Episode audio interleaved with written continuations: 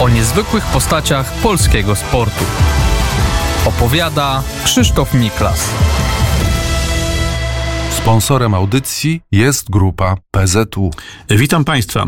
W dwóch poprzednich odcinkach opowiedziałem Państwu o naszych znakomitych jeźdźcach, którzy na Igrzyskach Olimpijskich 1928 roku w Amsterdamie zdobyli dwa medale. Brązowy w KKW, srebrny w konkursie skoków. No wcześniej, jak wiemy, brązowy medal w Paryżu w 1924 roku zdobył Adam Krolikiewicz, a w 1932 roku na Igrzyska do Los Angeles Polacy nie pojechali. Przede wszystkim ze względów ekonomicznych Nadal byli w światowej czołówce, ale ta podróż y, do Los Angeles jednak przekraczała możliwości finansowe polskiego sportu, polskiego jeździectwa. Za to solidnie przygotowywali się do zawodów w Berlinie w 1936 roku.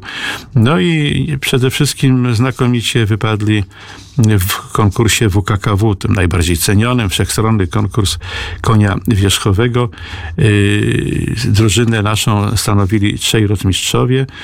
Henryk Rojcewicz, który w chwili startu miał 38 lat, Herbule Liwa, był liderem polskiej ekipy, dosiadał silnego kasztana Arlekina III, którego sam sobie wybrał. Uważał, że to wymarzony koń do WKKW.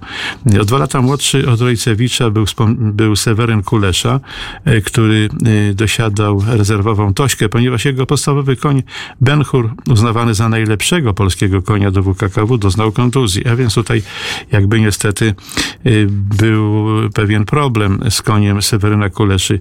I wreszcie młodszy o kolejne dwa lata, 34-letni Zdzisław Kawecki, y, który dosiadał gniadego Wałacha Bambino, konia, który, o którym mówiono, że ma spore możliwości, ale jeszcze był mało doświadczony. No, trzydniowe zawody WKKW, jak wiemy, rozpoczynały się ujeżdżeniem, Polacy wystartowali no, niezbyt rewelacyjnie. Rojcewicz był 13, Kawecki 15, y, Kulesza 26. Drużynowo prowadzili Holendrzy, a Polska była piąta, zaś faworyzowani Niemcy dopiero na miejscu szóstym, ale jak zawsze w WKKW mm, przede wszystkim cross oraz konkurs skoków y, rozstrzyga o końcowej klasyfikacji, głównie y, ten cross tutaj pod Berlinem, 8 kilometrów, najeżdżany przeszkodami, których było aż 35, a szczególne trudności niemal wszyscy zawodnicy, może z wyjątkiem Niemców, mieli na jednej z przeszkód, to była przeszkoda numer 4, było to błatniste, pokryte rzęsą bajorko, poprzedzone przeszkodą z drągów.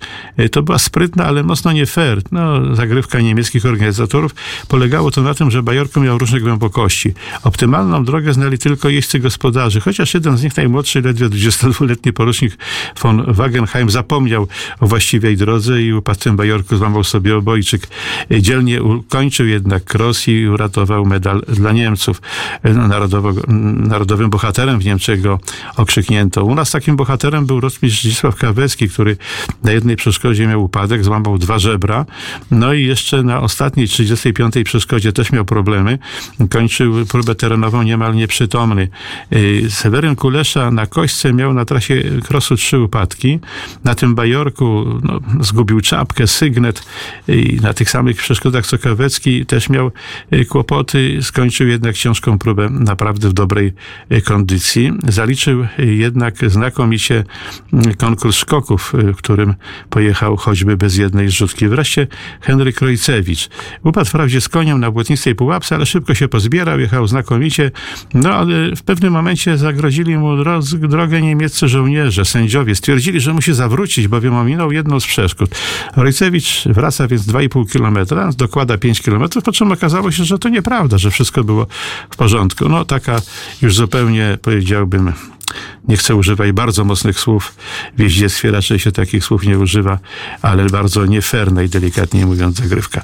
E, częściowo mu niby zrekompensowano tę stratę, kilka minut mu odjęto, ale generalnie pozbawiło to Polaków złotego medalu. E, na parkurze Arlekin popełnił dwa błędy. E, w efekcie Rojcewicz w końcowej klasyfikacji był 15, Kawecki 18, Kulesza 21, a Polacy zdobyli srebrny medal. Niezbyt wysoko przegrali z Niemcami, za co wyprzedzili gigantyczną różnicą punktów Wielką Brytanię i Czechosłowację. W czerwcu następnego roku cała trójka medalistów zaprezentowała się w pełnej gali warszawskiej publiczności, w Łazienkach. No, tam był piękny hipodrom w czasach międzywojnia, teraz już nieistniejący, zaś generał Juliusz Rummel, starszy brat olimpijczyka Karola Rumla, udekorował ich złotymi odznakami jeździeckimi. Było oczywiście wiele wyróżnień, honorów, często na ich zawody przybywał prezydent Rzeczypospolitej Ignacy Mościcki. No niestety zbliżała się wojna. Losy z każdego z nich potoczyły się bardzo różnie. Na samym jej początku najtragiczniej dla koni sportowych, które prowadzone były z Grudziądza do Grójca, a pod górę wejście do, do yy, ośrodka zapasowego w Garwolinie miały być dostarczone i potem na wschodnie tereny, a pod górą Kalwarią na skutek niemieckiego bombardowania zginęły wszystkie konie startujące dotychczas polskiej reprezentacji. Wielka, wielka tragedia. I jeszcze opowiem Państwu o każdym z tych naszych bohaterów. Najpierw o Henryku Rojcewiczu. Herbuleliwa był najstarszym, ale i najmocniejszym punktem srebrnej ekipy. Urodzony w 1898 roku w majątku Janopol na Litwie, właściwie na Żmudzi. Był drugim spośród sześciorga rodzeństwa. Oczywiście uwielbiał konne wyprawy po pięknych żmudzkich terenach ze swym starszym bratem Janem, ale gdy został wojskowym i sportowym jeźdźcem, wybuchła I wojna światowa, natychmiast zgłosił się do Polskiej Organizacji Wojskowej, działał wspólnie z bratem w Wileńskiej Saobronie, brał udział w rozbrajaniu Niemców, potem wstąpił do Wojska Polskiego, brał udział oczywiście w wojnie przeciw bolszewikom, no i cały czas marzył o kawalerii. Te marzenia się spełniły, bowiem dostał się na własną prośbę do Centralnej Szkoły Jazdy w Grudziądzu, został oficerem, jeździł znakomicie, poza tym tym uprawiał także inne dyscypliny sportu, tenis, szermierkę, nawet narciarstwo. No, a Henryk Leliwa-Rojcewicz, y, jak wiemy, na tych y, igrzyskach y, świetnie się spisał, zaś potem pracował w Centrum Wyszkolenia Kawalerii, a w sierpniu 1939 roku wrócił do pułku, został dowódcą drugiego szwadronu. W kampanii wrześniowej dowodził szarżą pod Krasnobrodem. W walkach z Armią Czerwoną został ciężko ranny. No, na szczęście przy braniu kobiecym udało mu się uciec ze szpitala wojskowego na tych wschodnich terenach, przedostał się do Krakowa, potem przeniósł się do Warszawy, a w Powstaniu Warszawskim Henryk Rojcewicz, Herbuleliwa dowodził batalionem Kiliński. Prowadził ataki na Prudencjal, na Pocztę Polską i na Gmach Pasty, ale podczas tych walk został ranny. Opowiadałem o tym Państwu więcej y, przy okazji y, prezentowania y, Eugeniusza Lokajskiego, który wszystkie te ataki filmował, fotografował. Został ciężko ranny.